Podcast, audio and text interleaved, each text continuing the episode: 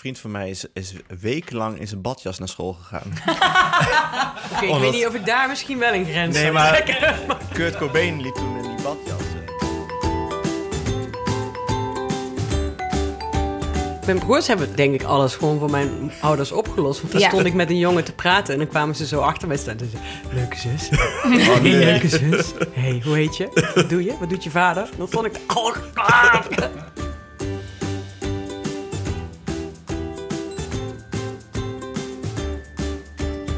Hoi, ik ben Nienke de Jong, journalist en moeder van Janne van bijna twee jaar. En als we dit opnemen ben ik 37 weken zwanger van de tweede. Met mijn vrienden Alex van der Hulst, vader van René van 6 en Jara van 2 jaar. En Hanneke Hendricks, moeder van Alma van anderhalf. Praat ik in Ik Ken Iemand Die over onze avonturen als jonge ouder.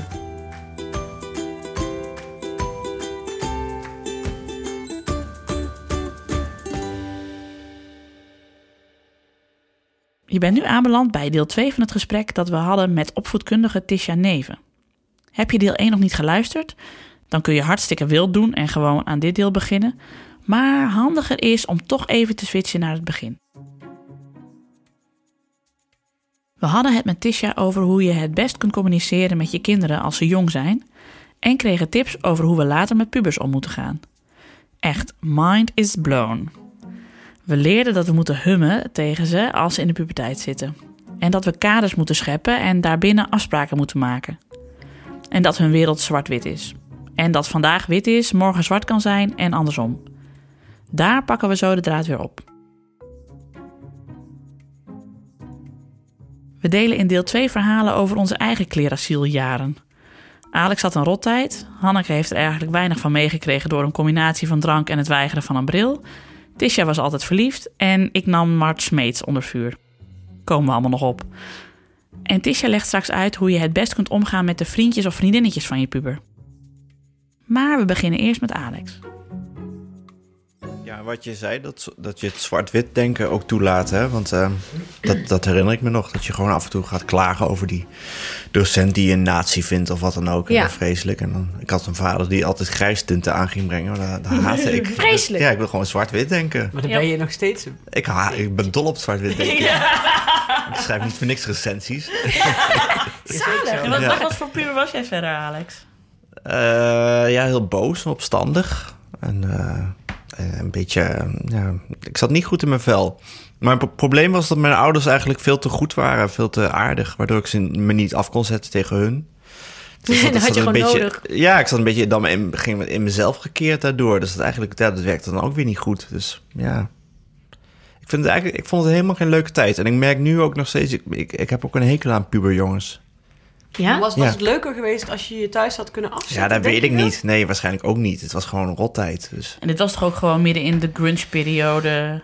ja, En hadden jouw ouders wel oog dan voor hoe het met jou ging? Werd daar wel... Ja, Oké. maar ze wisten niet goed wat, wat ze met me aan moesten. Maar ja, dat wist ik zelf ook niet. Nee. Dus eh, ja, daar zaten ze volgens mij wel mee in de maag, ja. Zit je nog in Word.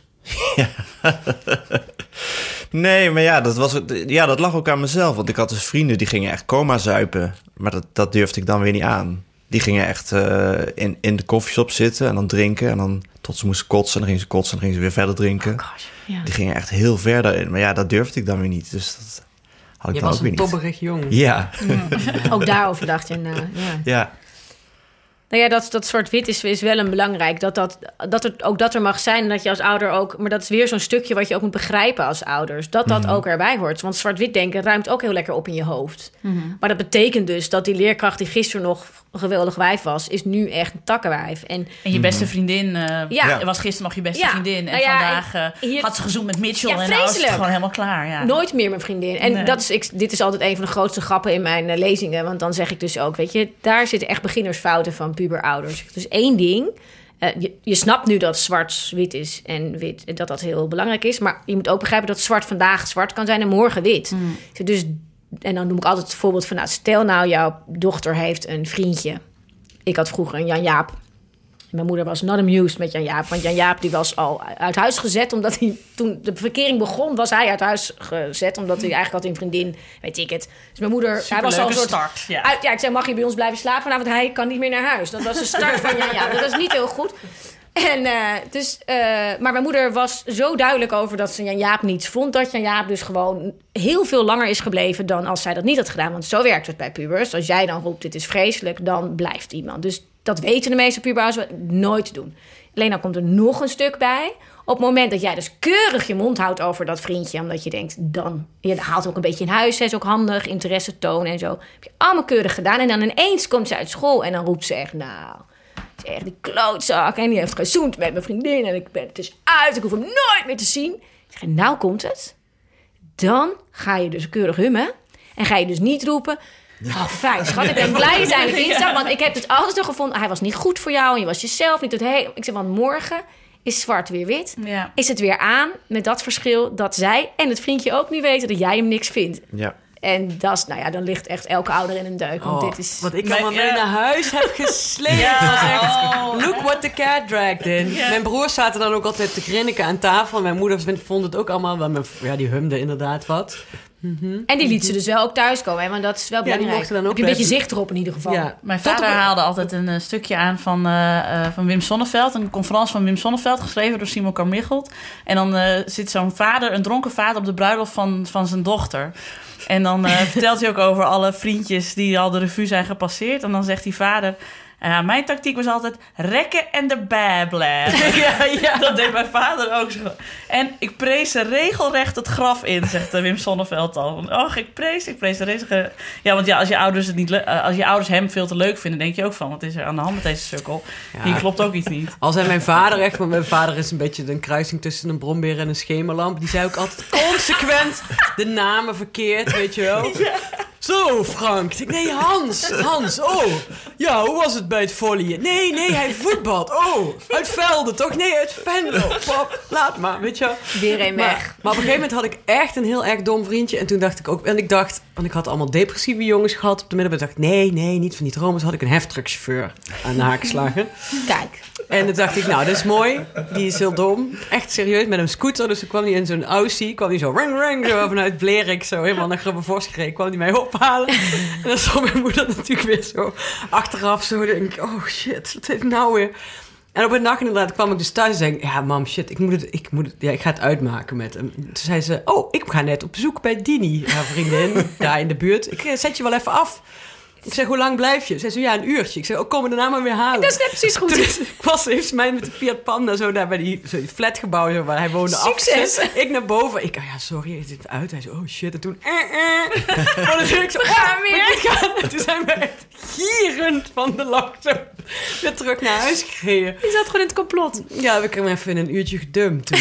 Oh. Maar, dat Maar ik was begrijp toch altijd dat vooral broers heel handig zijn om jongens eh, of vriendjes weg te Ja, pesten. die hebben wel echt... Mijn broers hebben denk ik alles gewoon voor mijn ouders opgelost. Want dan Ja. stond ik met een jongen te praten... en dan kwamen ze zo achter mij staan. En zeiden ze, leuke zus. Oh, nee. Leuke zus. hey, hoe heet je? Wat doe je? Wat doet je vader? Dan stond ik... Oh, ah. Ik zoende heel vaak met vrienden van mijn broers, of van oud-klasgenoten of zo. Of jongens die ze nog kenden van de fanfare of zo.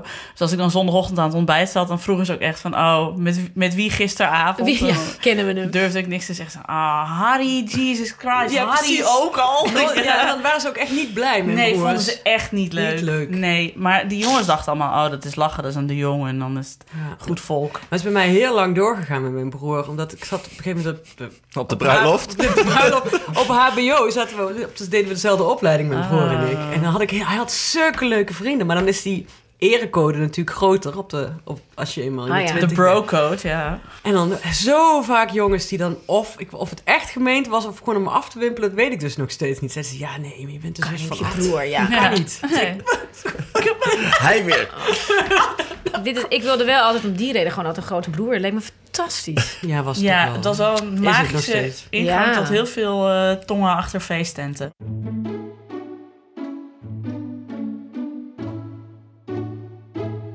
Maar Nienke, jouw puberteit staat toch op YouTube? Dat heb ik een keer gezien.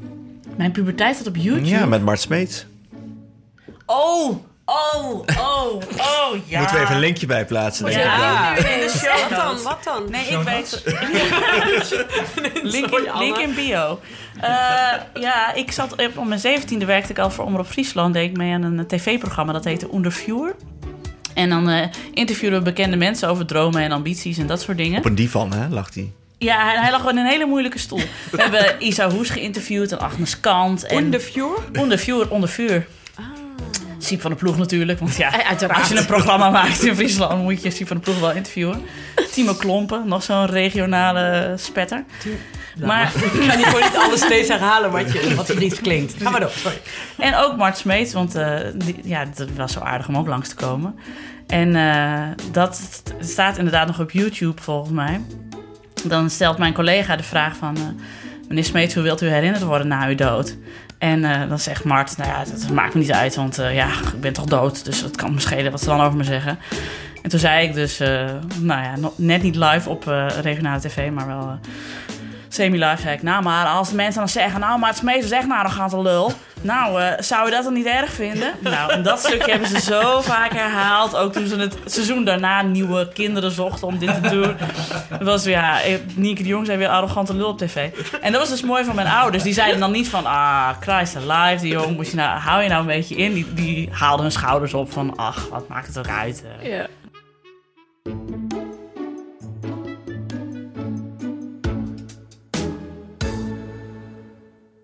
Vind je belangrijk wat mensen van je denken? Dat straks in de chronieken staat van... oh, wat een arrogante lul is dat altijd. En Als dat mensen- moet toch als- wat met je doen? Maar als mensen dat vinden, dan mogen ze dat. Als je me daar ziet, zeg maar, met mijn Jamai-bril en... eh, oh, en dan had je nog van die visagisten die dan van die... eh, eh, van die make-up sproeiers gebruikten. Oh, sorry. Ehm, ja, nu doen ze met foundation en zo doen ze dat allemaal heel keurig. Maar toen was het nog... Dan kreeg je een soort airbrush ding. Dus ik, ik zag er echt totaal gepankoekt uit. Terwijl Zo ik helemaal oranje. echt, ja, super. En met van die donkere lippenstift. terwijl Ik was 17. En eh, ja, dat ging dan eh, over hele zware dingen. Heb je die in het privéleven ook zo'n plaat om, om je heen? Qua gevoelens? Of ben je dan veel Nou, dat, is, dat is moeilijk, omdat eh, wij in een wereld Maar dat, leven. dat werkte we dus wel met al die pubers. Want ja, we waren Die allemaal van die eh, melancholieke types. En eh, ja, die hebben ze zo'n ja. introfilmpje gemaakt. Hier zie je mij op school en met mijn bandje en zingen. En eh, oh man, ik was zo ambitieus en grote dromen. En, eh, Ik ben zo blij dat er geen beelden van mij zijn in mijn puberteit. ik was ook lelijk. Oh, ik was zo lelijk. Nou ja, ik, had dus, ik was heel ijdel en ik had geen, natuurlijk geen geld. En ik had een bril, dus ik wilde die bril niet op. Dus ik heb, dit is, dus ik heb denk ik twee jaar zonder Niks bril. gezien. terwijl ik heb min vier. En dan weet ik nog, even een vriendin van mij, die zegt dat nog steeds. Die was altijd, we waren heel vaak bij elkaar. En die zei ook altijd dan, dat doet ze nou nog steeds wel eens. Dan zegt ze, ken ik die? Ken ik die? Want dat zei ik dus altijd. Ja, zie je op de fiets. En dan zei Eve, eh, ja, zeg ja. maar, zeg dan hallo. zeg ik- zeg ik, hi. Weet je wel? En soms zei ze, weet ik niet, weet ik niet. Ik zeg, shit, shit, hoe ziet hij eruit? Ja, dat die en die. En dan, weet je wel, ik zei heel dichtbij knijpen met mijn ogen. Oh, ja, dat is jaren. Tot ik op een gegeven moment van... Inderdaad, een vriendje die werd daar zo gek van. Die zei, hier heb je 75 euro. gulden. Ga maar bij, Voor Hans, lenzen. ga maar bij Hans Anders lenzen halen. Die heb ik Oh. gedragen tot ze gescheurd waren. Oh, Nou ja, als, je- ik vind het zo mooi je die verhalen hoort. Want dit is wat ik vaak ook wel tegen ouders zeg. Weet je, ga, denk eens hoe je zelf was. Ik, Ook zo, de een was natuurlijk zelf gewoon een hele heftige puber. Of juist heeft het heel zwaar gehad. Of, nou ja, als ja, ik naar mezelf kijk ook, denk ik... Jeetje, weet je, ik was alleen maar verliefd. En zo, na zoveel stress. En ik ging echt mijn examen. Ik, heb gewoon bijna nou, ik heb een her gekregen door Jan Jaap. Omdat Jan Jaap op de HAVO zat. Die zat aan de andere kant van de zaal. En het was mijn laatste kans. Want daarna was hij natuurlijk weg. Want dan was het jaar afgelopen. Dus als hij klaar was, dan moest ik heel snel ook klaar zijn met mijn tentamen of met mijn eh, pro- ding, eh, eindexamen. Want anders was hij niet meer op het schoolplein.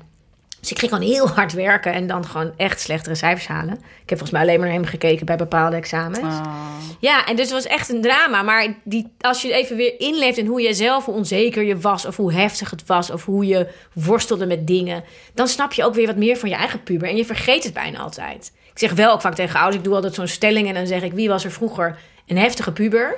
En dan gaan er heel veel mensen staan en dan vraag ik ook even zo'n rondje van hoe is het nu met jou en hoe is het met jou, hoe is het gegaan? Nou, zie, de meeste gewoon goed. Ja. Het gaat echt wel weer voorbij. Maar het is wel voor heel veel pubers gewoon echt een heftige tijd. En als je dat al een beetje als ouder kan begrijpen en daarin kan meeleven... En, eh, dan heb je echt al wel heel veel gewonnen. Ja, en, dat eh, je inderdaad niet debiel bent Ja. als puber. Nee. Nee, weet je, dat is, het is ook echt. Hè. En leg ze ook een beetje uit. Het helpt ook. Je moet niet alles uitleggen aan je puber, want dan wordt het tegen je gebruikt natuurlijk. Mijn brein snapt, dit hier kan ik niks aan doen. Ik kan niet plannen. Maar een stukje uitleg van dit is wat er speelt, waardoor je zo wiebelig bent en waardoor je, dat is wel heel prettig als puber. Want je snapt er zelf echt geen bal van. Ja, maar dat vond ik ook laat, dat hebben wij het laatst nog over gehad. Dat jij ook zei van, als je nu zeg maar mopperig was of zo tegen de kinderen, dat je dan gewoon zei van, ik ben nu, eh, sorry dat ik zo reageer, maar ik ben nu gewoon eventjes moe of moe. Ja, kan even niet zoveel hebben. Ja. Nee. En dat is bij pubers natuurlijk ook zo. Je, je hoeft zelf ook niet eh, onfeilbaar te zijn. Ze gewoon, ja, ik heb ook gewoon een eh, stomme dag gehad op mijn werk. Ja. Sorry dat ik even wat... eh, Ja, alleen eh ont pubers ontkennen dat altijd. Hè? Er is niks aan de hand verder. Nee. nee, nou ja, je kunt wel afspraken. Weet je, ik zeg het, je, soms komen die pubers natuurlijk onuitstaanbaar Ja. vol. En dan denk je echt, weet je, hallo. Ik ben helemaal niet chagrijnig, Nee, roepen ze dan. die vooral. Oh, ik kom weer lekker thuis. Leuk, gezellig. Ben ik lekker op tijd thuisgekomen, kom jij zo binnen. Nou, zo. En weet je, en op het moment dat je natuurlijk weet dat een puber dat heeft... Ik bedoel, je hoeft echt niet dan te denken... oh, iedereen nu weg, want de puber... Je kan wel zeggen, weet je, prima dat jij gewoon zo chagrijnig bent. En als jij uit school komt en dan moet jij gewoon even ruimte hebben. Dus wat kunnen we af... Wat spreken we erover af, weet je? Wij zijn hier ook, wij wonen hier ook. Dus wij willen hier zijn. Ik kan wel afspreken dat je broertje niet constant je kamer in komt rennen. Ja. Maar als jij je zo voelt, prima. Ga dan even een plek voor jezelf zoeken. Je bent weer blij, eh, welkom als je weer terugkomt. Alleen wij willen wel hier op een normale manier met elkaar kunnen, om kunnen gaan. Als je dat niet kan opbrengen, dan ben je even niet in deze ruimte. Dat zijn weer, weet je, dat is ook weer gewoon iets wat je met elkaar kan afspreken. En dat betekent dat je wel zegt, weet je, het is wat het is. Dus je hoeft niet leuk te doen. En dan is ook nu zijn telefoon natuurlijk ook heel fijn, hè? Want vroeger moest je dan, dan kwam je ouder dus die kamer in. Gaat het weer? We gaan nu eh de honeymoon quiz kijken. Kom je al? En weet je, dat is echt niet cool. Maar nu kun je gewoon even appen. Wij kijken de voice. Eh, als je zin hebt, kom je dan. Dat is Ja. toch anders. Of dit is toch prettiger dan dat je weer dat je zo'n oude voor je ziet. Dat is Mijn echt vader meteen een rode lap op het stier. Bezem. Ja! Vreselijk. Komt Frans ook mee, zei hij dan. maar en, ook... eh, en, en gun pubers hun wandsmaak, hè? Dat vind ik ook wel heel belangrijk. Want die is echt vreselijk, de smaak voor pubers. Ik weet het Oh, van mezelf. Ja. Maar ik weet ook nog, we hadden laatst bij Oor van... ging het over je eerste muziekherinnering of zo. En toen wist ik het al. Al die collega's van mij die gingen David Bowie noemen. Oh nee, hun eerste plaatje. ja. Dan gaat iedereen zijn beste smaak noemen. Nee, David Bowie heb ik ontdekt als eerste. Of Rolling Stones of, eh, of de Smiths. Maar ik weet, dat is allemaal niet zo. Iedereen heeft echt een heel slechte eerste... Ik niet. Nee, jij niet. Nee, jij, jij had je Nee. broers, Oh, dat- jij had je ja. broers en de Smiths. Ik voor oorkomen. ja. Nee, Maar dat zei ik ook. En dat zei iemand ook. Ja, dat is natuurlijk eigenlijk wel zo. En, en, en dat zei iemand anders ook van. Door die wansmaak leer je pas later weten wat een andere smaak is. Als je nooit die wansmaak hebt gehad, dan... Ja, hoe kun je nou weten wat dan goed is? Take me out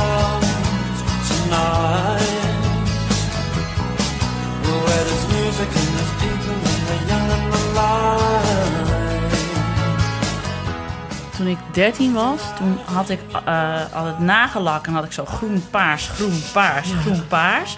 Ik had echt, ik had al zes gaatjes in mijn oren, want had ik ergens, ik had mijn ouders. eh, Mijn moeder weet ik niet meer hoe het is, hoe het is gelukt, maar op een of andere Was manier was het, had ik ineens eh, extra gaatjes, mocht dat. En ik had altijd zo'n skipoelie aan. En dan had ik altijd oude shirts van mijn broers aan. Dus eh, vaak was dat een eentje van Pearl Jam... waarop een klein kind met, een, met, een, met een, een geweer stond. En daar liep ik dan in. En dan vond ik mezelf zo gaaf. En ik had dus mijn haar kort geknipt... want Natalie Imbruglia vond ik heel gaaf. Toen dacht ik, dat kapsel wil ik ook. Staat toch net iets anders als je gewoon eh 1,78 eh, blond, iets te stevig en een bril hebt. Zo'n ziekenfondsbrilletje. Dus ik zag er niet uit. Maar mijn ouders hebben daar nooit iets van gezegd. Terwijl ik ook inderdaad eh, vriendinnen had met ouders die dan zeiden van... zo ga je niet naar buiten of zo wil Ja. ik je niet mee hebben... naar de verjaardag van oom Wim, bla bla bla. Ouders hebben daar nooit iets van gezegd. En dan gaat het vanzelf alweer over. Ja, Een vriend van mij is, is wekenlang in zijn badjas naar school gegaan. oké. ik Omdat- weet niet of ik daar misschien wel een grens Nee, maar.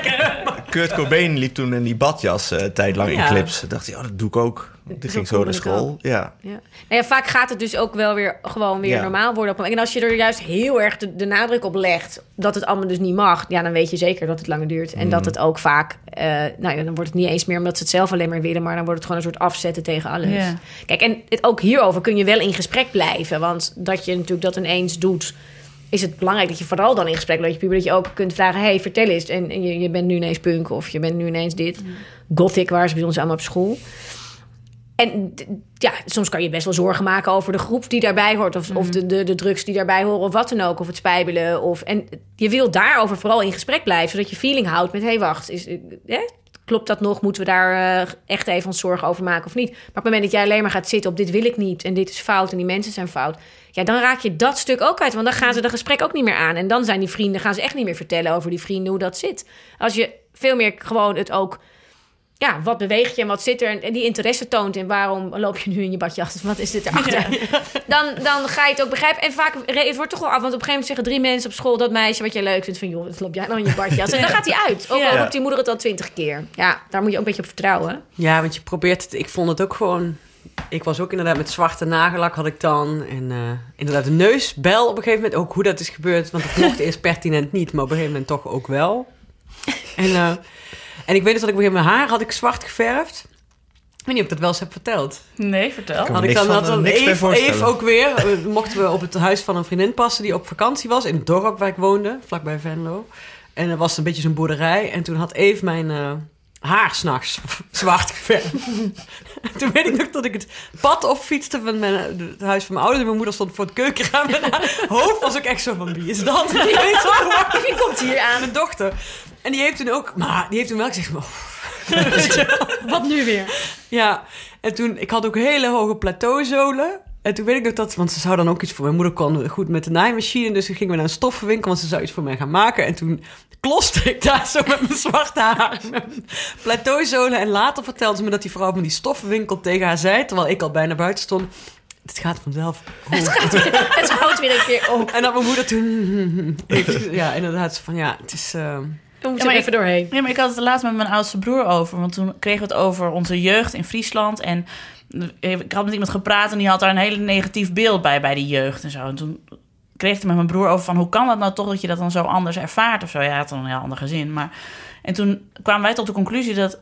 eh, onze ouders die hebben nooit tegen ons gezegd van... wat moet, wat moet die en die wel niet denken? Of doe eens normaal. Of doe eens normaal heb ik nooit van mijn ouders gehoord. Die haalden gewoon hun schouders op en die dachten van... ze komt zelf weer eens tot inkeer. Of eh, ja, ze stuurden ons op de achtergrond bij... maar zij hebben ons opgevoed tot hele autonome mensen... omdat ze zelf ook heel autonoom waren. Mijn vader geeft ook niks om van... dat is een feestje waar ik bij moet zijn. Nee, als ik geen zin heb, dan ga ik niet mee. En, eh, en mijn moeder, ja, die zat dus ook gewoon in de pyjama... stond ze voor de bibliotheek te zwaaien naar alle mensen die ze kenden. Die maakt het ook allemaal niet uit. En dat je daardoor dus altijd het gevoel hebt van... ik ben oké zoals ik ben. En dat je daar nu nog steeds de vruchten van plukt van... oh ja, ik, ik ben best oké. En als iemand anders dat niet vindt, nou ja, so be it. Kan ik toch niet zoveel aan doen. Doei. Ja. Dus dat was wel eh, dwars door die puberteit heen. En ze, ah, en ze hebben echt wel buikpijn van ons gehad. En ik heb die zwarte haar heb ik echt drie jaar gehouden. maar dat kan ook, of je moet dan helemaal kort knippen. Dan moet je waarschijnlijk ook heel lang echt doen. Ja, je moest ook heel vaak verven. Ja. Je kreeg dan ook zo'n pad. Ja. ja. witte. Maar op een gegeven moment had ik inderdaad een vriendje... waarvan eh, wiens moeder aan hem had gevraagd of ik aan de drugs was. Want ik Oh. ben natuurlijk super bleek. En Van dat zwarte haar. En toen dacht ik op een gegeven moment... Het Nou, is, het is klein voor iets tijd. anders. Maar het was ook, misschien was dat misschien nog extra in, in onze jaren negentig dan. Maar waren- ik was gewoon zwelgen altijd en alles. Ik ook. Met, met die grunge erbij en het was allemaal ellende. En, eh, PJ Harvey. ja, en Nine Inch Nails weet ik nog. Nine Inch Nails heb ik ook kapot gedraaid. Ja. Dan kon ik echt van Grubbevorst naar Venlo bij Nine Inch Nails... kon Ja. ik in iets van... was het 20 minuten op school zijn, terwijl anders was het een half uur fietsen. Ja. Mijn broer wilde onze kat Eddie Vedder noemen. en, en hij had zelf ook van het lange krullende haar, want dat had Eddie Vedder ook. Ik wilde dat ook, maar bij mij werd het in een paddenstoel. Nou, echt. Hij heeft het volgens mij... een teleurstelling. Ja. Het enige wat dat jij het echt zwaar Ja. had. Wat- We hadden toen een keer familiedag en toen was er een neef van mijn moeder. En die zei tegen mijn moeder, oh, Sibyl, wat heb je een enige dochter? En toen bedoelde, ze, bedoelde hij Jaap. Toen dacht hij echt, oh shit. Ja, nee, maar- dit is, ik ben, geen, ben geen meisje, ik ben Eddie Vedder. Zeg maar. Ja, Maar het grappige is wel dat als ik... Want inderdaad, wat ik wel allemaal heb uitgevreten met mijn broers... Dat was, dat, maar dat wisten ze allemaal niet. Ik bedoel, mijn ouders wisten ook heel erg veel niet. We Ja. gingen zo vaak naar illegale huisfeesten in het bos in Venlo. Maar dan waren we eigenlijk best braaf. ja, Maar we deden wel al die dingen. ja. En ja, mijn broers hebben wel heel veel gebloot. Maar ik verbaas, Ja. me, ik verbaas me er laatst nog over hoe heftig die, die heftige vrienden van mij, wat die allemaal uitgevreten hebben en hoe goed die terecht zijn gekomen. Ja. Dat is echt, er zitten- daar zitten gewoon chirurgen tussen nu. Dat is ook weer goed om je te realiseren als Ja. puberouder van nu. Ja. Maar volgens mij, wat ik wel me herinner is dat de ouders, waar de ouders het strengst van waren, die kinderen inderdaad op de middelbare school, die gingen juist over die schreef altijd. Ja. Ja, maar dat is het. Ja, dat is, ik, wij zagen dat bij alles. Ik, we hadden van die vrienden die gingen dan ook, was ook in die tijd, dan gingen we dus eh eh joyrijden, was zo'n ding. En eh, in zwembaden inbreken en dan daar gaan zwemmen en Oh, zo, ja. weet je, dat soort dingetjes. En huisarrest kreeg ze ook allemaal. Dan klommen ze gewoon via het raam mee naar buiten... en dan zo'n leuke kussens onder je deken. En dan, maar ze kwamen altijd bij ons ook weer naar het feestje, bij mijn moeder. Want, en ze kwamen ook bij ons. Mijn moeder knipte ook hun haar. En dan kregen ze geld voor de kapper. En dan gingen ze bij mijn moeder knippen. Mijn moeder wist dat ook allemaal. En Maar wij deden dat soort dingen helemaal niet. Maar zij wist ook dat die jongens dat deden. En dan zei ze, jee, eh, ja, weet je, doorrijden is gewoon levensgevaarlijk. En ik wil gewoon echt ook niet dat je daarbij instapt. En mijn moeder was dan, een bepaalde dingen heel duidelijk. Maar ze, wij vertelden ook wel alles over de vrienden. Omdat het er niet, ze rekenden onze vrienden er niet op af. Ze ging het gesprek erover aan en, en ze zei bij bepaalde dingen... nou, als ik dan ook zei, weet je, als iemand ook later nog... dat ze dan dronken gingen rijden of zo... dat gebeurde ook bij ons regelmatig... En dan zei ze gewoon, weet je, ik, dat is één ding. En als, als dat gebeurt in mijn auto, dan rij je nooit meer in mijn auto. Als ik één keer merk dat je gedronken hebt, dat was heel duidelijk waar de grens. En je stapt nooit in bij iemand die, dan kom ik je halen. Dus er was altijd, daar was altijd duidelijkheid over. En dat heb ik ook echt gedaan op een gegeven moment. Dat ik dan echt belde om drie uur s'nachts van mam, ik kan niet meer terug. En dat, was, dat zat in mijn hoofd en ik ging het ook niet doen. Je hebt echt ongeveer dezelfde moeder, geloof ik. Ja, wij, wij, het is heel grappig. Ja, en dat, maar dat was wel, dat is me zo ook bijgebleven. En ook met inderdaad het drinken. En ze besprak het dan wel. En dan zei ze, weet je, dit is wat kan gebeuren, weet je. Mhm. Ja, eh, maar het kan ook een keer gebeuren. En dat je dus zoveel zuipt dat je... Maar ik wil dat je me dan wel belt. En niet dat je dan denkt, ik kan niet naar huis. Nee, ik wil dat dan, dan gaan we het oplossen. Ook als ik zwanger zou worden of zo, weet ik veel. Dat riep ze ook altijd. En dus heb je zelf nou bij je puberkinderen voor dat soort... Nou ja, wij hadden natuurlijk de, de pleegpubers. En dat is natuurlijk wel even een ander verhaal. Eh, Tisha heeft een zoon van bijna negen, maar is ook heel lang pleegmoeder geweest. Pubers die een moeilijke thuissituatie hadden of moeilijk opvoedbaar bleken, werden dan opgevangen door Tisha en haar ex-man. Ja, de wens van pleeg- bij mij zat de wens om pleegkinderen eh, in huis op te nemen. Eigenlijk vanuit de jeugdleclassering waar ik echt in jeugdzorg werkte en zoveel ellende zag. En zo vaak heb gedacht als jong, toen was ik nog ja, begin twintig, net na mijn, na mijn studie. En dat ik gewoon zo vaak dacht, "Oh, als ik deze kinderen maar in een normale omgeving kon laten opgroeien en gewoon weer, dat ze weer gezien werden, dan zou het echt de helft schelen. Dus dat had ik toen al. Toen uiteindelijk eh, eh, ik bij vriend en mijn vriend en ik samen waren en wij uiteindelijk kinderen kregen, dat bleek een hele toestand. Dus dat duurde allemaal, ging allemaal niet vanzelf. En eh, behandelingen en ellende en toestanden. En toen kwam Dim ineens toch spontaan. Dus dat was een supermooi cadeau. Daarna lukt het weer niet, dus toen hebben we besloten van, nou weet je, dan, dan tel je zegeningen, het is oké. En toen is eigenlijk meteen bij mij en ook in gesprek met hem wel gekomen van, ik wil heel graag gewoon dan we hebben zoveel nog ruimte over, liefde over. En, eh, en, en ook de mogelijkheden om het te doen. En de kennis, want ik geloof wel dat dat toch heel belangrijk is bij veel pleegkinderen. Ehm, we gaan daar op een, een manier nu dan toch die kinderen in ons leven opnemen. En ik droomde vroeger al van een gezin met alle kleuren en alle culturen. En wilde ik overal kinderen adopteren en zo. Nou, dat is niet geworden. Maar wel dus de pleegkinderen.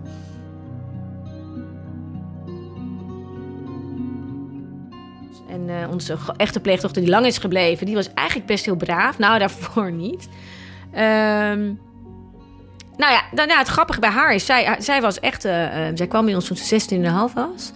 Ehm, had toen ook op alle, bij, alle, bij de moeder al gewoond, dat ging niet goed. Toen bij de vader, dat ging niet goed. Toen nog, nou ja, overal.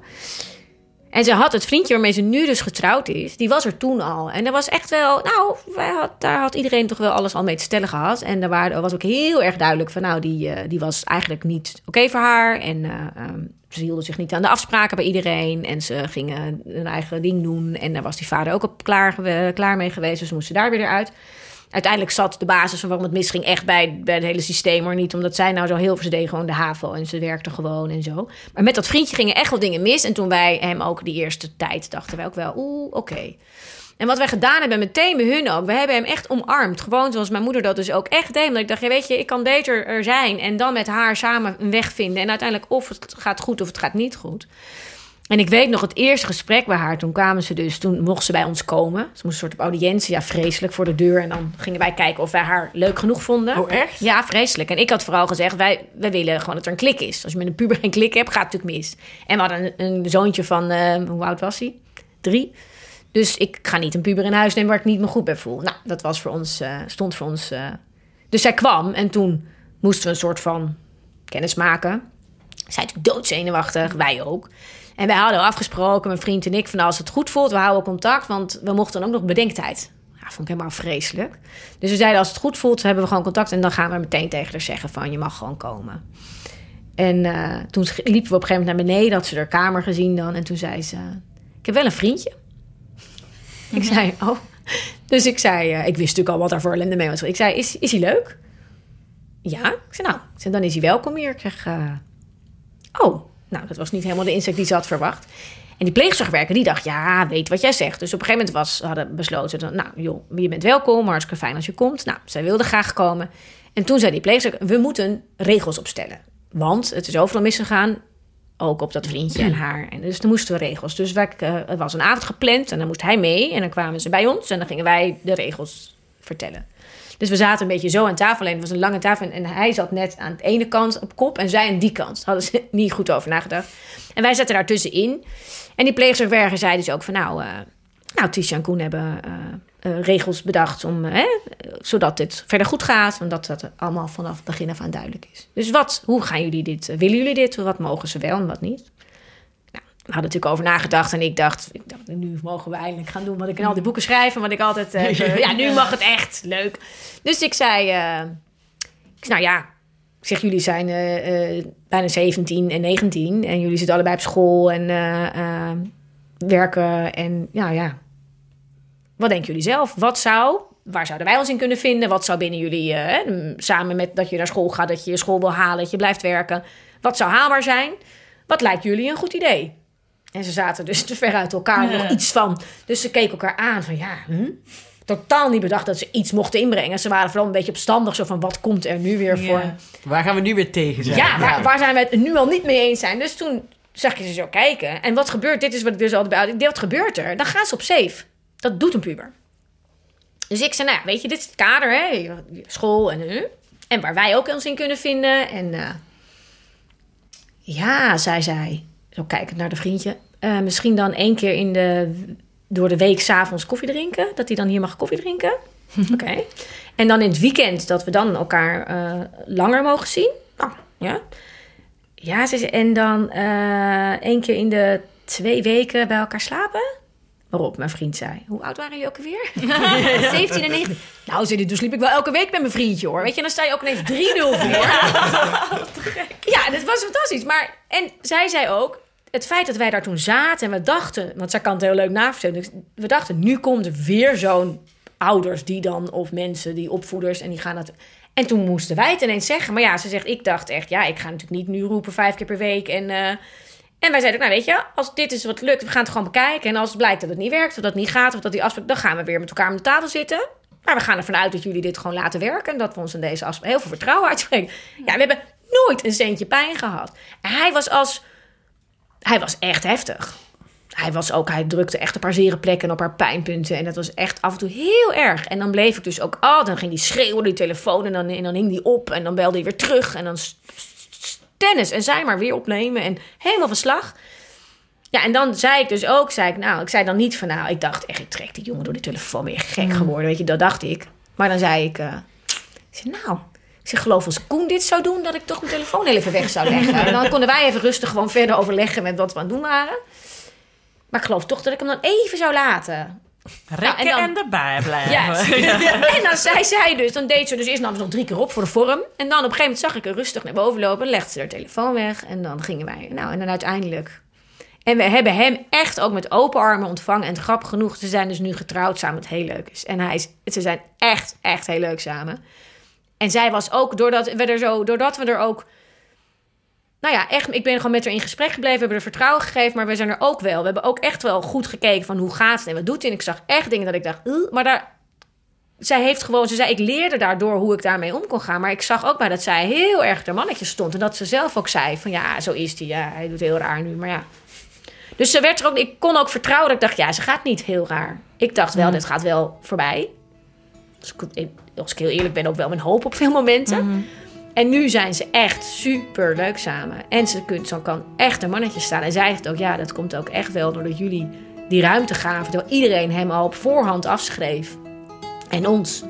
Ja, ze, daar werd ik zo boos van, maar jullie deden dat niet. En dus kwam hij ook. En, en in het begin was het hard werken, want zo lollig en gezellig was hij niet.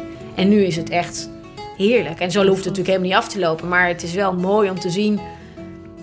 Ja, als jij het vertrouwen hebt en als je ze de ruimte geeft, maar dat je er ook gewoon feeling mee houdt. En ze dus leert op een manier. Je kan op heel veel manieren eh, jongeren iets leren of kinderen. Zonder dat je eh, hoeft te zeggen. eh, nu mag je niet meer naar hem toe of nu ga je dat niet doen.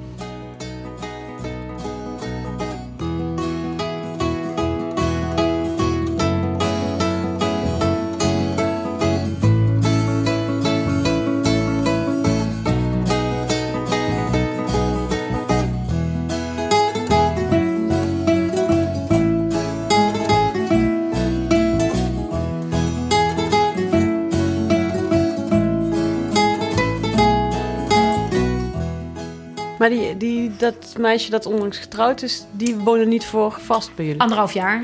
Anderhalf tot twee jaar. Ja, dus die is wel die is langer gebleven. Dus we deden crisisopvang en er bleven er een aantal altijd langer. Oh, zo, dus Ja. maar niet voor eeuwig. Niet voor, nee, ja, niet dat zij bij ons. En bij haar wisten we dus van zij gaat uiteindelijk gewoon, ja, want dan gaat ze uitvliegen. Dus eh, ja, en de jong, andere kinderen zijn allemaal een aantal maanden gebleven. En, eh, en ik heb er ook heel, wel heel bewust voor gezorgd dat ze ook weer weggingen na een paar maanden. Omdat ik dat voor zowel mijn eigen zoontje als voor de kinderen anders te lang vond duren. En eh, ja, het is heel intensief en heel, heel heftig geweest. Ook met de laatste was echt heel pittig. Toen hebben we ook, toen zei mijn zoontje op een gegeven moment, ik weet dat die toen, want dat is wel steeds de balans van hoe is het, is het goed voor mijn kind. En we hebben hem ook echt ermee op laten groeien, maar ook altijd in meegenomen van is het voor hem nog oké, vindt hij het nog leuk? Zeker toen hij wat ouder werd. En toen hij op een gegeven moment was een, een, jongetje die echt heel pittig was met een borderline moeder. Een hele, en hij, scheurde ook nog een pees af, zijn patella pees. Dus we moesten hem verzorgen. En dus alle aandacht ging naar dat jongetje. En toen op een gegeven moment weet ik nog dat mijn zoontje lag in zijn bed in het hooikoorts. En ik moest bellen met de moeder met het jongetje, maar die kon ik niet alleen laten. Die moeder was zo gek dat dat ging echt niet. En ik wilde niet dat mijn zoontje erbij was, want die moeder riep de meest vreselijke dingen. Dus ik wilde dat hij boven. Dus het was net gepland, maar toen had hij dus hooikoorts. Dus toen kwam hij een paar keer toch naar beneden. En ik moest op een gegeven moment zeggen, Dim, je moet echt naar boven. Ik moet eerst nu bellen en dan kom ik bij jou.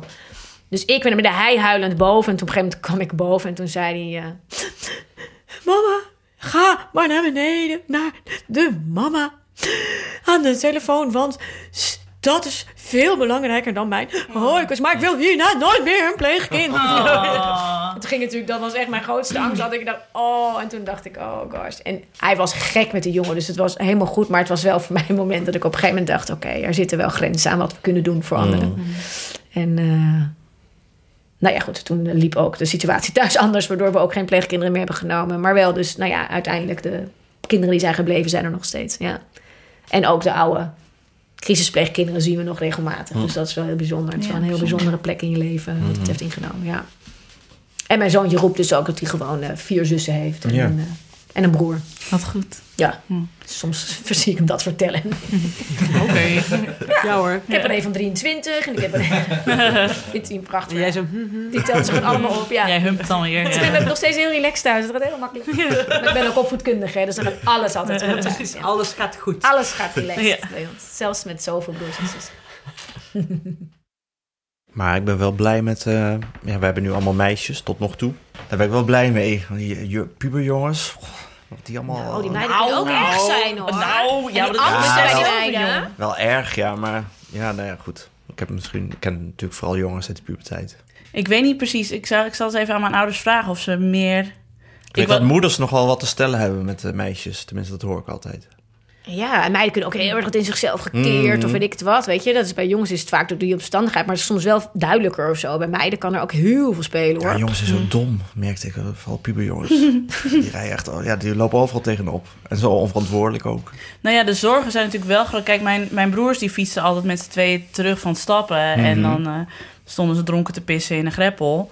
En dat was allemaal prima. En dan zeiden mijn ouders ook altijd van... ja, wat ik niet weet, kan ik me ook niet druk om maken. Maar ja, Zo'n meisje. ik mocht nooit... Ik mocht nooit alleen naar huis fietsen. Die heb daar wel meer zorgen om. En Ja. is ook de enige keer dat mijn moeder een keer een, een argument gebruikte... waarvan ik dacht, ja, dit is echt een zwaktebod, maar ik snapte wel. Dat ze toen... Ik wilde heel graag alleen naar huis fietsen, echt heel graag. En ik, ik, ineens was ik gewoon helemaal klaar mee... dat zij dan in die Opel Corsa voor de bibliotheek stond. dus ik was even het gevecht aangegaan. En toen zei mijn moeder... En toen zei ik, en er gebeurt hier toch ook helemaal nooit eens iets in de buurt. Dus waar moet ik nou bang voor zijn? Toen zei mijn moeder, ja, maar Marianne Vaatstra dacht dat ook. en dat was natuurlijk voor elk Fries meisje van 15 was dat zeg maar de ultieme joker die je als moeder kon inzetten. Van ja, dan nee, daar, daar kon ik niks tegen inbrengen. Nee. Dus ja, dan Dus stapte weer ik in maar die weer. auto met die Ja. badjas, ja. Maar ik heb één keer, dat, dat was ook... Dat is ook zo'n legendarisch verhaal bij ons in de familie... dat ik ehm, naar het dorpsfeest zou, een dorp verderop... en een vriendinnetje die zou bij ons logeren met mij... en we zouden samen terugfietsen en we zouden om twee uur thuis zijn.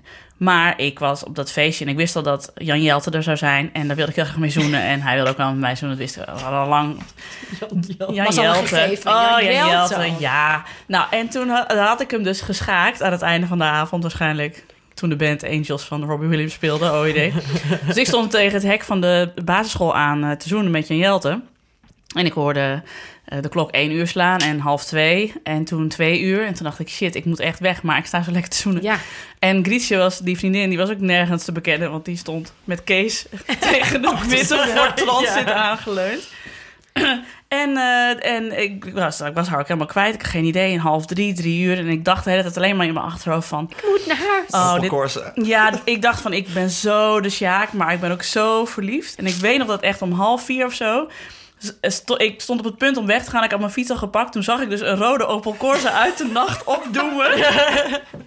Mijn moeder deed het raampje naar beneden. Ik had gel- gelukkig Grietje ook net gevonden. Dus wij stonden daar met onze fietsen en mijn moeder zo... naar huis, nu. En die reed dus stapvoets achter ons aan... terwijl wij naar huis fietsten, twee kilometer lang. En Grietje was alleen maar... oh, dat was zo gezellig. En Kees deed dit en dat en dat. En ik dacht alleen maar... Oh, wat hangt er nog boven mijn hoofd? kut. Ik ben zo de Sjaak. En wat ze toen ook heel goed hebben gedaan... Want mijn moeder, we kwamen thuis en mijn moeder zei... naar boven slapen, we hebben het er morgen wel over. Nog hebben er nog- uitgesteld. Oh, Ja. zo erg. En ik vond het echt verschrikkelijk. Ik heb de hele nacht wakker gelegen. Enerzijds, oh my god, Jan Jelte. En anderzijds, oh, mijn ouders zijn zo kwaad. En toen, de dag daarna, hebben ze ook een gesprek met mij gehad toen Grietje eh, eh, weg was. En toen zei mijn vader ook de legendarische woorden... ik ben niet kwaad, ik ben heel teleurgesteld. Oh, zie je? Precies mijn ouders. Ja, mijn moeder ook. En dat vond ik honderd keer erger, want mijn vader teleurgesteld. Dat was hij dus nooit. afspraak, ja. Had hij nooit gezegd, nee, we, we maken een afspraak met jou, daar, daar dien jij je aan te houden. Want dat is toch onze afspraak. En het ene kun je nog zo lekker... eh, nou ja, ja. Dus ook Uiteindelijk- met Jan Jelte. Toen heb ik nog, eh, nog tijdverkering gehad met Jan Jelte. En mijn, ja, mijn ouders waren helemaal dol op hem. Maar eh, Maar hoe was de rolverdeling dan bij jullie? Was, was de, nu is die moeder altijd die eh, met de auto stond? ja, het was al mijn moeder. Nee, mijn vader sliep daar doorheen. Echt, die sliep gewoon. Nee, maar mijn ouders waren altijd heel consequent. Dus die hadden gewoon... Ik kon ook niet bij de een iets halen wat ik bij de ander niet kreeg of zo. Het was nooit dat je pa opstond om jou eens te gaan halen met de open Corsa. Nee, Toen het echt laat werd. nee. Nee, ja, maar wat jij zegt is wel heel mooi. Dit is waarom, weet je, stel je voor nou, jouw ouder, jij, waar, waar was jij zo ehm, eh, over aan het balen? A, eh, jij hebt wel natuurlijk blijven blijven zoenen, want dat is toch wat een puber dan even doet. En dan, maar goed ook. Alleen wat jij voelt is wel, ik heb gewoon me niet aan die afspraak gehouden. Ja. En mijn ouders zijn dus inderdaad teleurgesteld. En je weet ook niet zo goed wat er gaat gebeuren. Maar ik denk niet dat je heel bang was voor een hele heftige straf. Want dat deed ze eigenlijk nooit. Nee. Maar het is echt het gevoel van, weet je, dit is wat ik in het begin ook zei. Dat je van binnenuit uiteindelijk wil voelen. Van dat iemand dus denkt, ja, ik heb nu echt deze keuze gemaakt. Want Jan Jelte won het echt. Nou, weet je, dat is ook terecht gebleken als hij nog even bleef daarna. En dat is prima, want dat doen pubers. Alleen, je kan dus nu de dag zeggen... nou, je mag nu dus niet meer met dat feest weg... of Jan Jelte komt er niet meer in... of eh, we kunnen jou nooit meer vertrouwen. Maar wat veel beter werkt, is dat je, nou ja, dat je dus dat gesprek aan zegt... en zegt, weet je, we hebben, dit we hebben gewoon een afspraak gemaakt... en je hebt je niet aan gehouden. En tegelijkertijd, mijn moeder zou ook daarna nog kunnen zeggen... heb je lekker gezoend, was het leuk, weet Ja. je wel? Want dat was ook, en er is ook een reden voor. Als jij, en dan kun je ook zeggen, weet je... we hebben gewoon een afspraak. En als je elke keer roept, ik heb weer lekker gezoend... ik ben weer om half drie thuis, dan houdt het op. Dan kunnen we dus die afspraak niet meer Nee. hebben. Maar dat dat kan gebeuren... is Ik wist prima. dus ook al lang van de komende tien keer word ik gewoon weer met de Open Corsa opgehaald. Ik hoef niet meer, ik hoef daar de komende half jaar niet eens over te beginnen dat ik weer alleen naar huis. Maar dat vond ik ook totaal logisch. Want ja, ik eh, had, ik had het zelf verprutst. Ja. Maar ja, dat heeft er natuurlijk ook mee te maken dat het... Dat is niet alleen hoe je met pubers omgaat. Het is omdat je... Dat die hele opvoeding is natuurlijk al zo geweest... dat je je ouders niet wilde teleurstellen.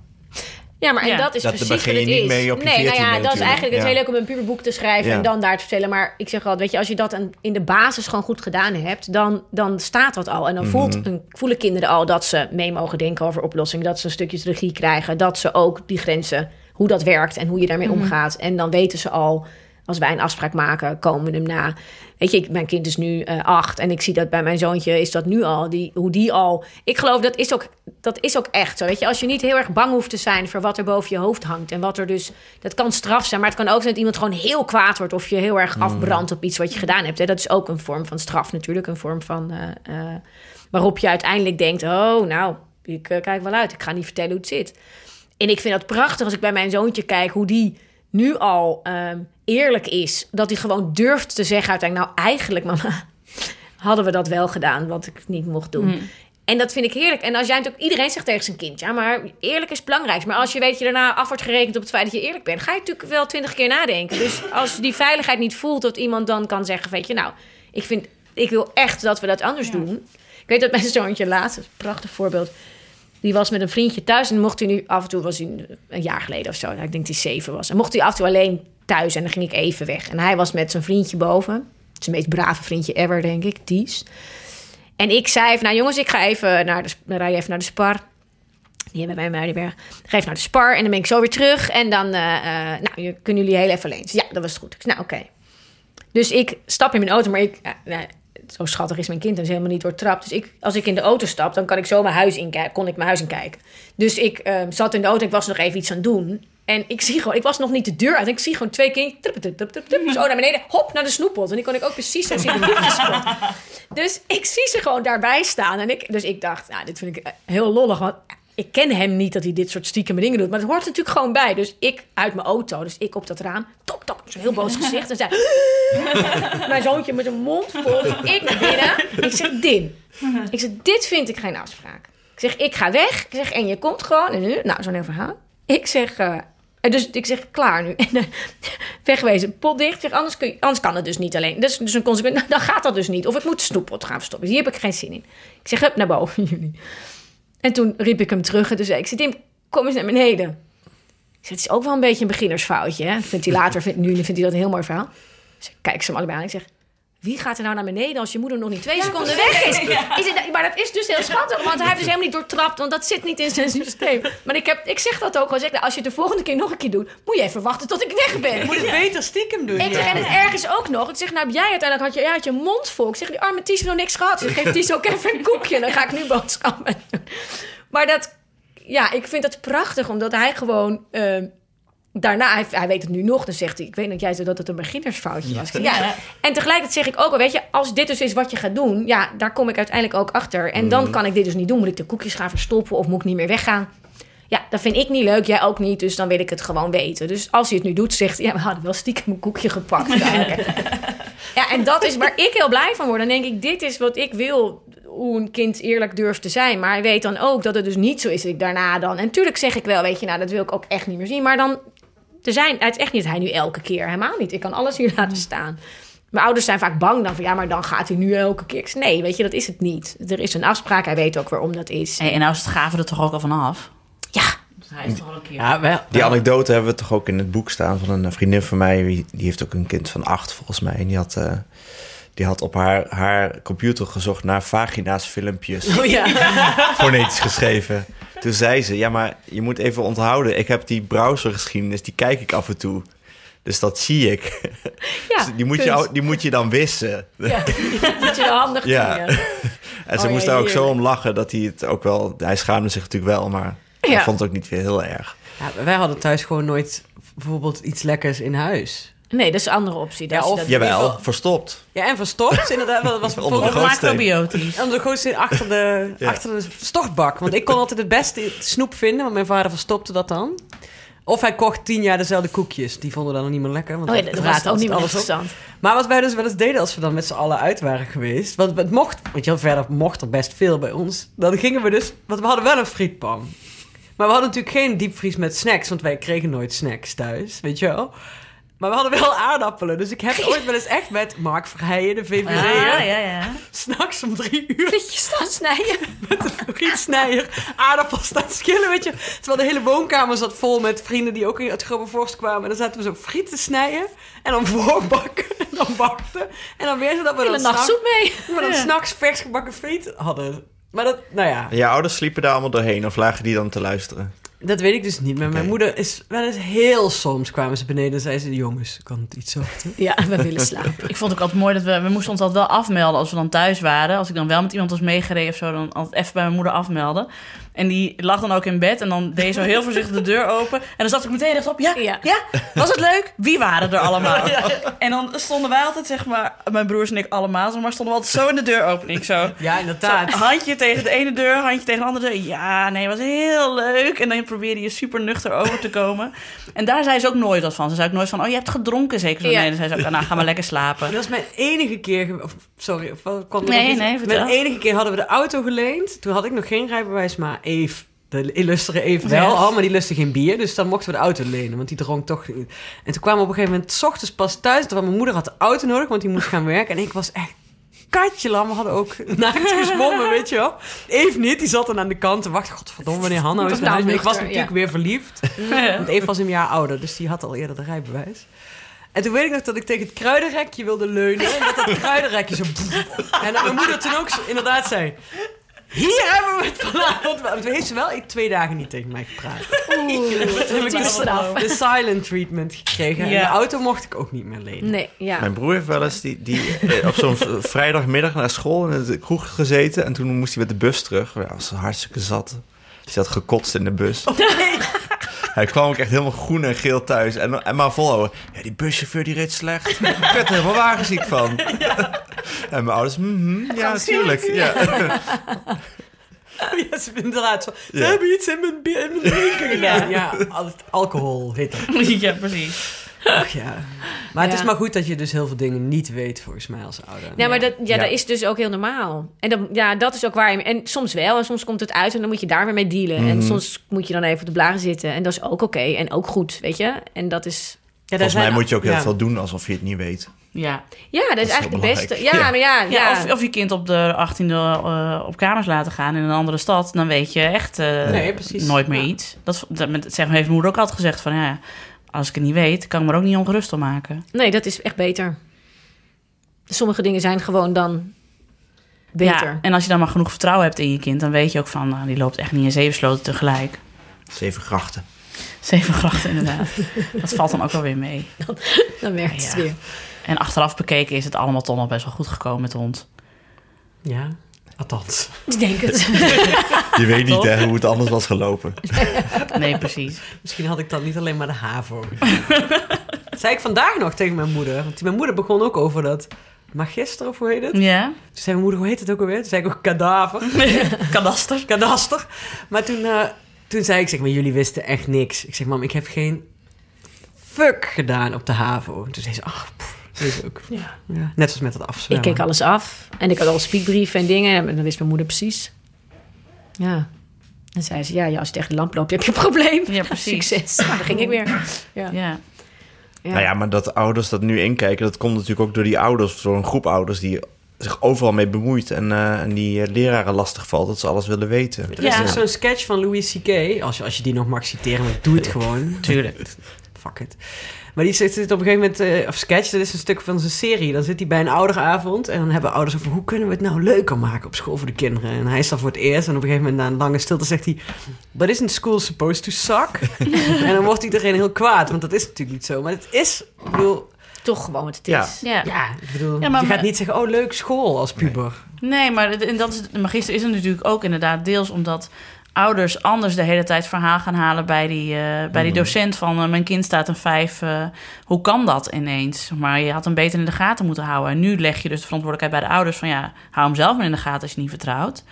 Ehm, maar ik hoor ook weer van een docent, die zei dat op Twitter. Die zei ja, wat je nu dus ook heel vaak krijgt, is dat dan komt er dus zo'n cijfer binnen. En dan heeft zo'n kind een vijf. En dan hangen die ouders al aan de telefoon van Ja. mag ik even de toets inkijken? Want hoe is dit genormeerd? En eh, Serieus? heeft hij wel echt een vijf? Hij dacht dat hij een 7 zou hebben. Ja, nee, maar de het, uiteindelijk, zeker ook voor die leerkrachten, dit is bijna nog meer ellende hoor. Want Ja. ook, ze moeten A, alles bijhouden op gedrag, op dingen, ja, weet je.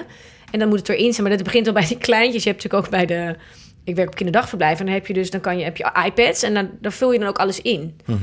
En dat lijkt dan heel handig, want dan heb je minder gedoe van ouders. Omdat je gewoon, dan kan iemand die heeft zijn flesje en luiden. Ja. En dan kan je gewoon die overdracht. En ouders kunnen dat ook de hele dag, heb je een app. Maar je kan dus de hele dag, als je dus al niet zo goed afscheid van je baby kan nemen, zien hoe dat gaat. Maar wat echt gebeurt oprecht, is dat ouders, ja, ik denk echt, hoe, kan dat? Die gaan dan dus bellen. Ik zie een foto van het knutselwerkje, maar mijn kind staat er niet op. Heeft hij wel meegedaan? Ja, want dus dan moet je ook nog denken wie ze op de foto's zet. Op een gegeven moment ging dat een heel... Ik begeleid dan die leidsters. Ik zei, jongens, gaan we gewoon weer met die kinderen bezig zijn. Want Ja. iedereen was dus druk met dit stukje. Mijn, mijn kind heeft geen flesje. Ja, maar we hadden er twee huilen. Dus ik ben even... Ik ga het straks invullen.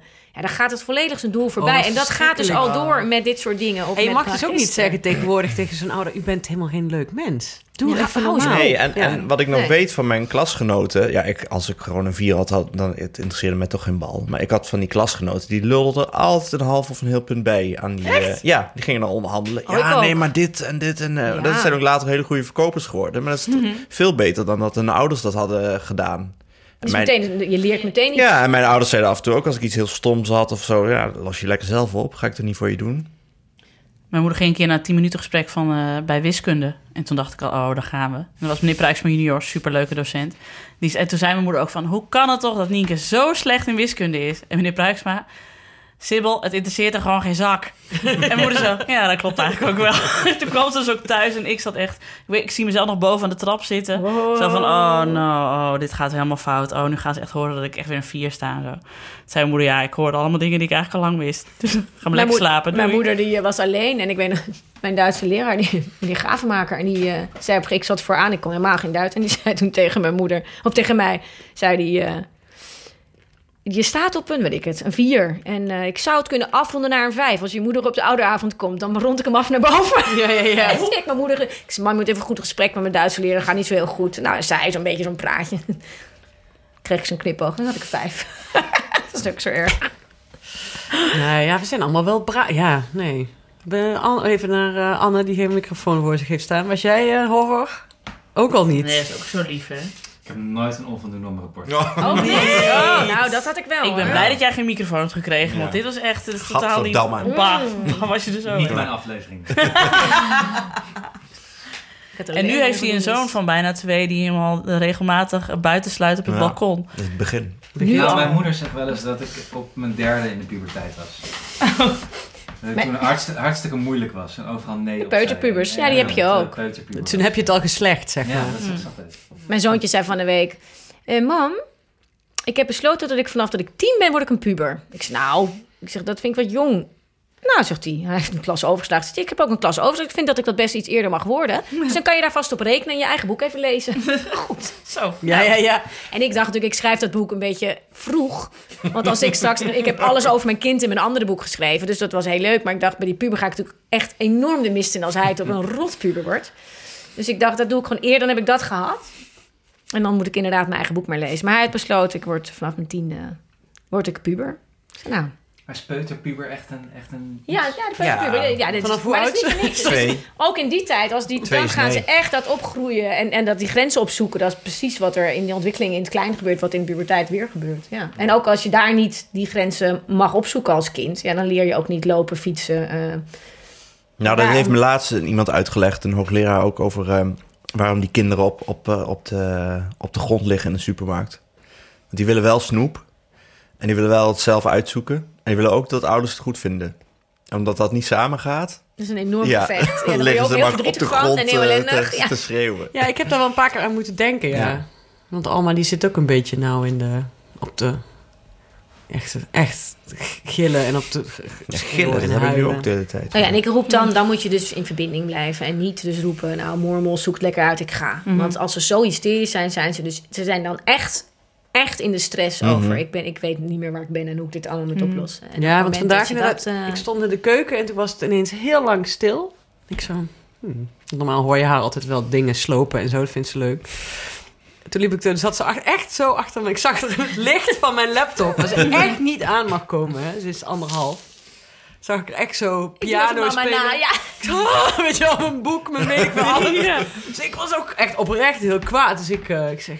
En ze wist, want het was echt zo stil. Ze wist Ja, dat ze iets aan het doen mocht. dus ik pak die laptop en ik klap hem dicht. En toen ik in de studeerkamer, ik moet hem ook natuurlijk niet laten slingeren.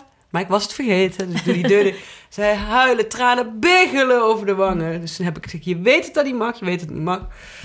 Toen heb ik het toch maar even opgetild. En jouw nieuwe roman erg. heet nu Kwertie Fruit.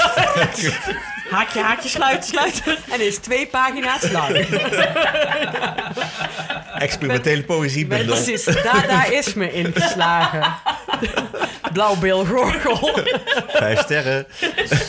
Zingernaaimachine, ja. Flap, fluim. Ja, Die van mij, dat was ook wel mooi. Die, die ging dus, ik zet hem dus nooit op dit soort gevallen. Dus dit is nou typisch, wanneer kan je dus zeggen... nou ga je op de gang of op je strafstoel of weet ik het. Want nu ben je echt heel stout. Maar ik, wat was wel grappig, toen hij zo klein was... toen hij kende dat wel van zijn neefje, nichtje. En van eh, in de klas was er wel eens kinderen die dan op zo'n stoeltje moesten. Maar wat hij dus, ja, dus ook dit is een soort wandelend... daar heb ik echt boeken op kunnen schrijven. Dan zei hij dus, dan zei ik... Dim, weet je, dit vind ik echt, dus nu is het klaar. Dan, nou, sprak ik dat dus uit of ik gesteld aan een grens, maar dan zei ik niet, nu moet je op de gang. Dan zei hij zelf, zal ik anders even op de gang? en dan zei ik, nou, dat hoeft niet, maar ja, dat kan. Maar dan deed hij nog erger. En dan ging hij dus naar de gang en we hadden ramen gewoon in. En dan ging hij erop en dan ging hij hard huilen, want dat, ho- dat hoort erbij. Ja. Hij er heel hysterisch staan doen en ik echt voor die deur. Ik zeg, gaat het weer? Nee! Oh, nou, dan wacht ik nog even. Dan ging hij gewoon zelf, zichzelf op de gang zetten. Ja, dat doet mijn jongste dochter ook, ja. Gewoon als ze aan het spelen is. Nu ben ik boos. Ik zeg, oké. Ga naar de gang, oké. en dan komt ze terug. Ik ben echt boos. Oké. Goed hoor, joh.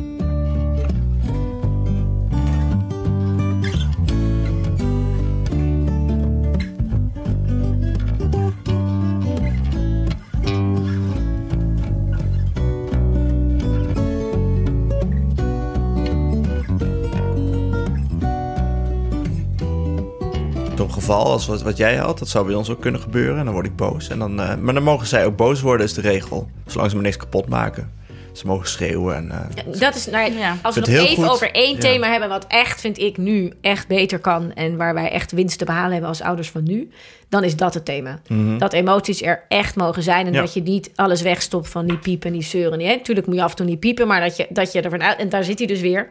Er zit wat achter en het moet er gewoon uit. Als Ja. je kijkt nu, als ik naar ouders kijk, ik, heb, ik doe ook veel met, met paarden en coach met paarden en zo. Het is allemaal ook heel boeiend. En dan, dan zie je dus hoe ontzettend veel van ons volwassenen, en dat herken ik ook bij mezelf, issues hebben met emoties. ja, je mag met niet huilen. Of er, er mocht nooit boos worden gezegd, zelf niet. Of je, ouders, of je ouders waren altijd vreselijk boos en heel even hysterisch. En daar is een soort eh, pijnpunt ontstaan. Heel veel zit in die emoties. Of niet, niet mogen huilen, of niet mogen, mogen hè, niet, niet het mogen uiten. En daar zitten echt veel mensen, daar zit heel veel gedoe op. Ook al die ontploffende ouders, die dus zichzelf gewoon niet onder controle kunnen krijgen. Mijn online cursus Help ik ontplof loopt als een dierenleer. Dat is gewoon het grootste issue. het? Help? Help ik ontplof. Help ik ontplof. Ja, ja. leek me de beste term. Heb ik Die ook wel wordt, eens na echt het ook, eten. die wordt ook echt besteld om één uur s'nachts en zo. Dus dat, dat zie ik zo voor me hoe iemand dan echt bij zo'n bed vreselijk uit zijn dak ging. En, dan kunnen we, en in de vakantie, eind van de vakantie, loopt hij ook op. En dan gaan de verkopen. En zitten wij bij onze tent. En met dan zei mijn kerst. vriend, Ja, ja, kerst. het gaat weer lopen. En dan hop, en dan kwamen we de cursus. Oh, wauw. Ja, is echt heel cool. Dat kun je ook zo zien. Ik zie ook binnenkomen als er dan een komt. Maar dat is echt een issue en een thema, maar ook bij kinderen. En nu zijn we, dat is ook wel echt nu veel gangbaarder, maar voor heel veel ook nog niet hoor. Maar is wel echt mijn ding, dat ik echt denk dat je als je emoties er echt mag zijn... en dat je met kinderen mee hun emoties laat doorvoelen binnen de kaders. Je kan bij een kleintje rustig ik hou je handen vast. Ik laat je niemand pijn doen. Maar wees maar even boos, weet je. Of Ja. huil maar even. Huil maar even al je tranen eruit. Hoe fijn is dat? Ja. Want dat een kind met drie keer met zo'n soort mini-pijntje komt of zeurt over een broertje, dan kan je zeggen: hou eens op, je bent de hele tijd. Je weet dat er dan iets is waardoor die frustratiedrempel gewoon heel laag is en dat het gewoon gaat ontploffen op een gegeven Ja. moment. En als je op dat moment zegt: het lukt even niet, hè? je bent om alles bozig of je piept een beetje, kom eens even hier. Wat is er aan de hand? En dan op een gegeven moment komt het en dan zeg je: huil maar even al je tranen. Weet je, als ik nu bij mijn kind kijk, we hebben nu een, een pittig jaar voor hem. Vriend en ik zijn uit elkaar gegaan. Hij doet het hartstikke dapper. Hij gaat heel erg ook proberen het allemaal heel goed te doen. En af en toe zie je gewoon dat hij omklein. Dan voel je gewoon, er moet, een- nu is het, is het, het moet er nu uit. En dan gaat het echt om niks. Of dan loopt hij te miepen met naar bed gaan. En dan kan ik dus zeggen, nou, en nu moeten we. En als je dan verder kijkt dan dat. En je denkt, wacht even, weet je, het is gewoon, dit- er zitten gewoon nu emoties die eruit moeten.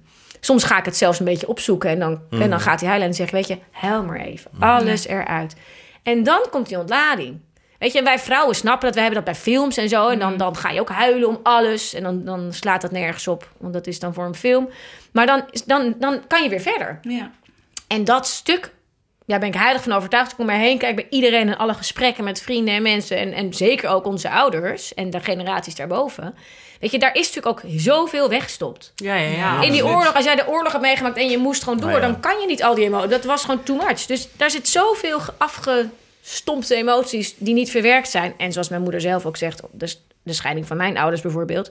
Als zij nu ziet hoe ik het doe en dat ik gewoon, nou ja, of ik nou weer een online cursus ergens vandaan trek, of ik ga weer naar een coach, of ik ga een retraite doen, of ik eh, ga naar de huisarts en die verwijst me door. Het kan. En zij zei, ja, ik kreeg gewoon eh, tranquilizers en slaappillen. En zo, tot ik Ja. ons moeder raakte zwaar half verslaafd aan al die troep omdat die arts die zei nooit ga eens met iemand praten... of heb je behoefte aan een gesprek... of misschien moet je even tot rust komen. Wel nee, je moest gewoon door en dit was wat het was. En daar is zoveel weggestopt. En het feit dat we nu, dat denk ik echt... als wij onze kinderen meegeven... dat emoties er mogen zijn... en dat je daarmee leert omgaan... door vooral ook binnen de perken ze er te laten zijn. Met, met, natuurlijk zitten daar grenzen aan. Je gaat niet alles kapot gooien... maar als je even iets... wat kan er wel? De emotie moet er even uit. Als wij daarin eh, echt... daar geloof ik heilig in... als we dat anders gaan doen... dan kunnen we echt, kunnen we echt dingen veranderen... In, eh, ook in de maatschappij... met, met al dat opgefokte toestanden. En jongens Ja. ook, hadden jullie dat niet bij je broers? Ik weet dat puberjongens er ook zo lekker onhandig mee omgaan. hè, Want die praten niet. Dus op een gegeven moment geven, geven ze elkaar zomaar een klap. En dan zoeken ze weer een, eh, zo'n zo ruzie, zo'n rare ruzie uit.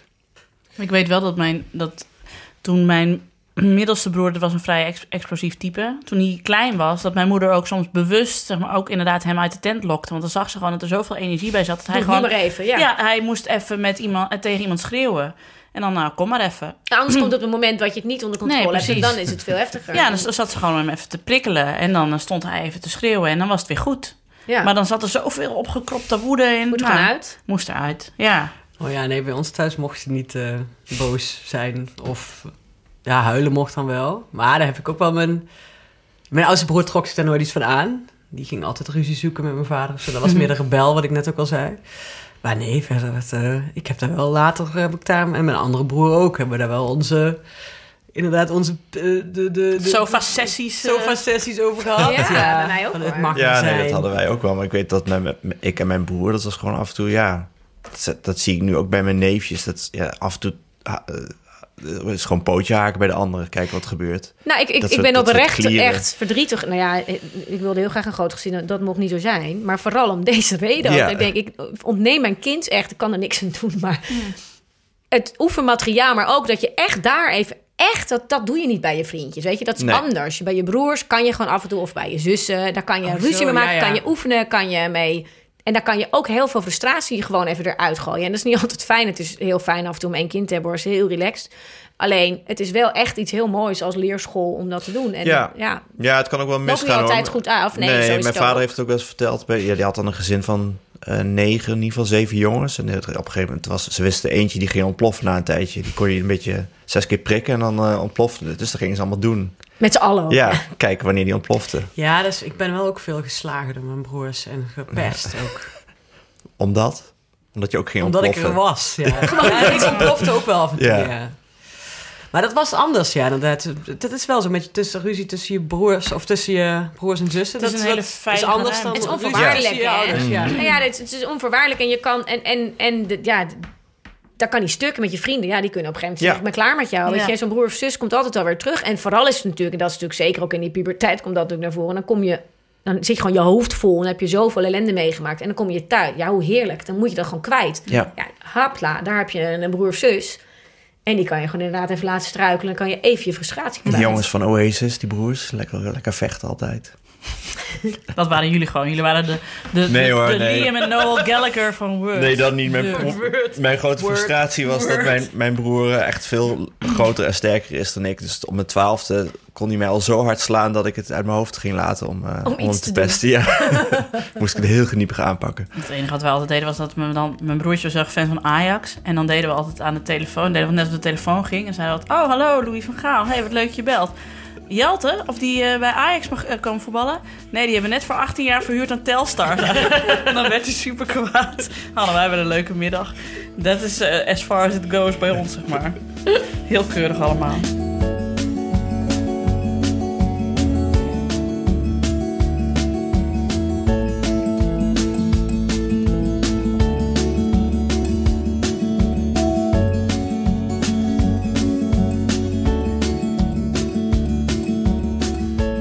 Enfin, dat was het weer mensen. Dank voor het luisteren. Vol nieuw herwonnen zelfvertrouwen verlieten we Tisha's knusse woning aan Tranendal. Van Dim hebben we echt geen kick gehoord. Wil je meer weten over Tisha? Kijk dan eens op haar site grootenklein.nl. dankjewel voor dit mooie gesprek. Ja, We geen hebben dank. echt veel geleerd. Ik heb ook echt aan je lippen gehad. Ja, volgens mij is het heel goed om gewoon een onderwerp te doen waar wij eigenlijk niks van weten. Ja. Want dan Ja. lullen we het niet de hele tijd er doorheen. Ja, dat scheelt wel weer. Ja. Nou, het is natuurlijk wel een heel leuk thema, omdat dat puber zijn dan zo heerlijk bij iedereen weer bij jezelf naar boven komt. Ja. En dat is ook, nou ja, grappig is, dat is misschien wel leuk om nog even mee te eindigen. Ik, ik zeg altijd, eh, uiteindelijk eindigt het, ik weet niet of die in mijn boek staat, maar wel in, bij al mijn lezingen. Dan zeg ik, uiteindelijk gaat het erom, be who you needed when you were younger. En dat is voor, die puber, voor allemaal, maar zeker ook voor die puberteit denk ik heel belangrijk. Wat Ja. had jij nodig in die tijd, weet je? Ja. Wat, en als je dat als ouder niet vergeet, dan eh, kan je al heel veel aansluiting vinden bij je, bij je kind en zeker bij je puber. Maar daarvoor moet je af en toe wel weer even zo'n stuk terug naar de nostalgische momenten dat je zelf puber was. Want dan weet je ook pas weer ook een Wie beetje hoe het was. Ja, ja. Wie je toen nodig had. ja. ja. Toen je omviel bij het kruidenrekje. Juist, en toen je, en toen je, Toen je een beetje aan hartstikke doodziek was en zei dat je nooit meer ging drinken. En Ja. dat je moeder toen zei, nee, dat zeg je niet, maar dat ga je heus wel weer doen. Maar het is oké.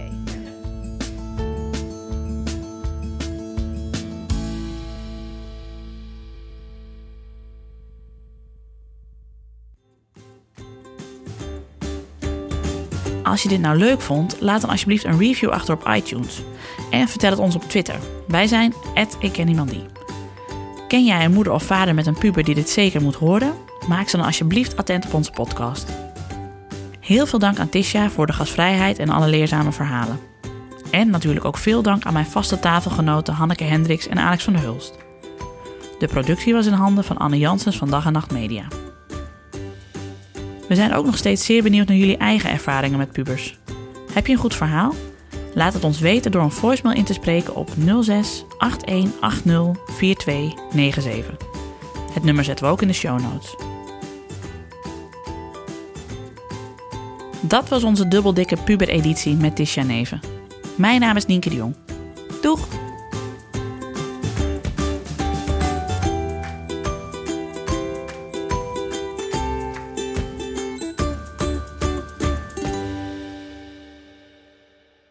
Oké jongens, ik ga even baren.